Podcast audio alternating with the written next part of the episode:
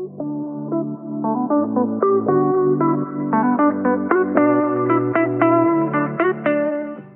zin die misschien wel je neusgaten inmiddels uitkomt, maar ook iets waar je toch naar verlangt en wat je gewoon wil creëren of misschien al gecreëerd hebt. En ik heb het dan natuurlijk over een consistente omzetstroom. Iets wat je als ondernemer nou heel veel rust geeft. Hè? Wat heel erg fijn is als je dat kan creëren voor jezelf. Als jij een consistente omzetstroom hebt gecreëerd, dan weet je nu hoe fijn dat is. Hè? Als je dat dus al gedaan hebt voor jezelf om te weten wat er binnenkomt. Hè? Om die rust te hebben en dat vertrouwen te hebben. Maar ook om dat te kunnen opschalen als je daar behoefte aan hebt of als je dat wil. Je ervaart gewoon simpelweg meer rust en zekerheid, waardoor je vanuit vertrouwen kunt gaan ondernemen. En vanuit zo'n positie maak je natuurlijk veel betere keuzes. In plaats van als je bijvoorbeeld keuzes moet maken vanuit schaarste of vanuit angst. Maar nu maak je keuzes vanuit overvloed en vanuit rust. Dus dat heeft een hele positieve impact op je bedrijf. Die keuzes maken vanuit schaarste of angst moet je natuurlijk altijd zien te voorkomen. En ik heb daar wel een leuk voorbeeld van. Een tijdje geleden had ik een eerste coaching sessie met een nieuwe klant. Dus eigenlijk de kick-off sessie. En tijdens zo'n kick-off gaan we echt samen in gesprek. En gaan we heel erg de diepte in. Zodat we elkaar en leren kennen. Maar ook dat we direct actiestappen kunnen zetten. Dat we meteen een plan op tafel hebben liggen. Dat ik weet waar jij staat. Dat ik weet hoe jij denkt. En in welke gedachten jij nog zit. En waar we misschien uit moeten breken. Gelukkig kan ik inmiddels mensen heel goed lezen tijdens zo'n sessie. En ik kan echt een diepere laag met iemand opzoeken als iemand dus antwoorden geeft. Dus daar ook een diepere laag in vinden. Dat is als coach heel belangrijk, want ik ken jou natuurlijk nog niet. En als we gaan samenwerken, dan wil ik je eigenlijk gewoon meteen heel goed leren kennen. En ik bespreek dus ook altijd met je waarom het volgens jou nog niet goed loopt. Of, want heel vaak bij mijn klanten, vooral bij mijn één op één klanten, loopt het eigenlijk wel heel goed. Maar is er dus blijkbaar iets wat nog niet optimaal werkt, want ze willen meer, maar het stagneert ergens. Goed, deze klant die gaf aan dat alles wat zij probeert wel een beetje werkt, maar nooit echt super goed. Dus ook deze klant, eh, haar bedrijf liep wel, het liep prima, maar ja, ze wou gewoon meer. Het liep nog niet zoals ze echt wou. Ze wou door dat omzetplafond heen breken.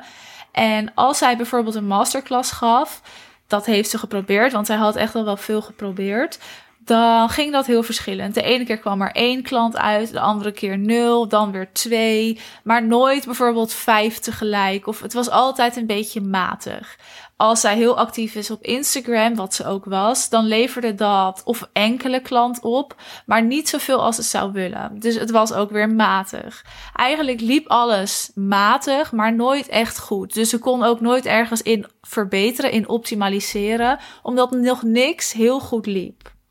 Wat er dus ook was, is dat zij heel veel energie besteedt aan eigenlijk alles. En ze heeft dus ook al heel veel geprobeerd. Maar toen we hier langer over in gesprek waren, en dan gaan we natuurlijk dieper in op alles. Toen besefte ik pas wat het echt probleem was. Zij was namelijk continu keuzes aan het maken vanuit die angst en vanuit die schaarste. Als iets dus niet snel genoeg werkte, dan schakelde ze alweer over naar iets anders. En nergens was er dus volle focus voor, want iets liep een beetje, maar niet goed genoeg. Dat duurde even, ze merkte dat het dus niet beter ging en ze ging wat anders doen. Dus de focus ging weer ergens anders heen of dan ging ze dat ook doen. Heel herkenbaar voor heel veel ondernemers en misschien ook voor jou. En omdat zij dus zag dat het bij anderen wel werkte, dus bijvoorbeeld die masterclass geven dat iemand anders daar wel tien klanten uithaalde, triggerde dat bij haar ook een soort onzekerheid, waardoor ze maar weer iets ging aanpassen. Nu wil ik dit even vergelijken met tandwielen. En misschien een gekke vergelijking, maar luister even. Je kan namelijk elk vlak van je bedrijf zien als allemaal tandwielen. En als al die tandwielen perfect staan, dan loopt het dus soepel, soepel door en dan kan alles soepel draaien.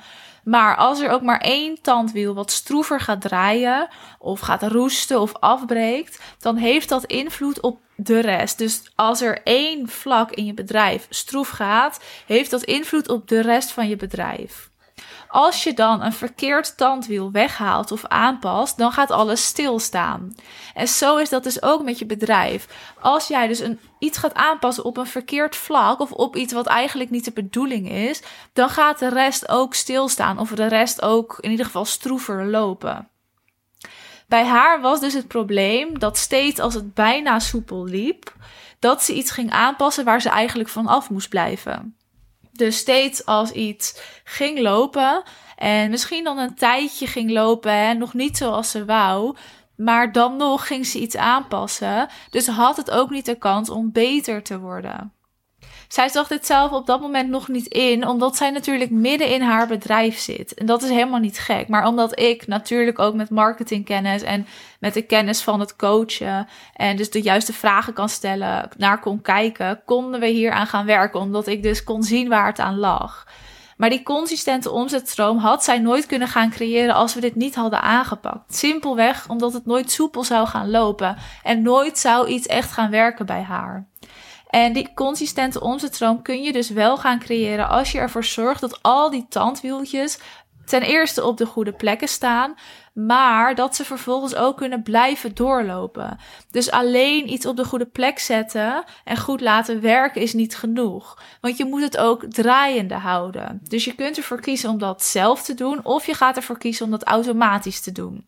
En de keuze die je daarin maakt, dat heeft wel weer invloed op de rest en ook bijvoorbeeld op je aanbod. Dus stel, jij verkoopt iets exclusiefs voor een wat hogere prijs, is het veel realistischer om het zelf te doen. Dus bijvoorbeeld alles live te doen. Maar als jij een kleiner iets wil verkopen voor een lagere prijs, is het verstandiger en veel efficiënter om iets te automatiseren. Hè, bepaalde punten daarin, zodat het je minder tijd kost.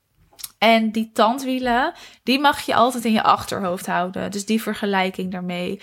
Weet dat als jij aanpassingen doet op verkeerde plekken, dat dat ervoor kan zorgen dat je bedrijf letterlijk stil gaat staan. Maar weet ook dat die tandwielen dus onderhoud nodig hebben. Dus soms moeten ze vernieuwd worden. Soms wil je iets vervangen of iets schoonmaken of iets verbeteren. Wees alert en wees eerlijk naar jezelf. Werkt iets niet, dan werkt iets niet. Werkt iets niet meer, dan is dat ook oké. Verander het, pas het aan, optimaliseer het. Maar werkt iets nog niet en weet je dat het wel gaat werken of dat het langer de tijd nodig heeft, geef het dan ook de tijd. Soms moet iets kunnen opstarten. En soms mag je ook gewoon de keuze maken om ergens mee te stoppen, zodat er weer ruimte is voor iets nieuws.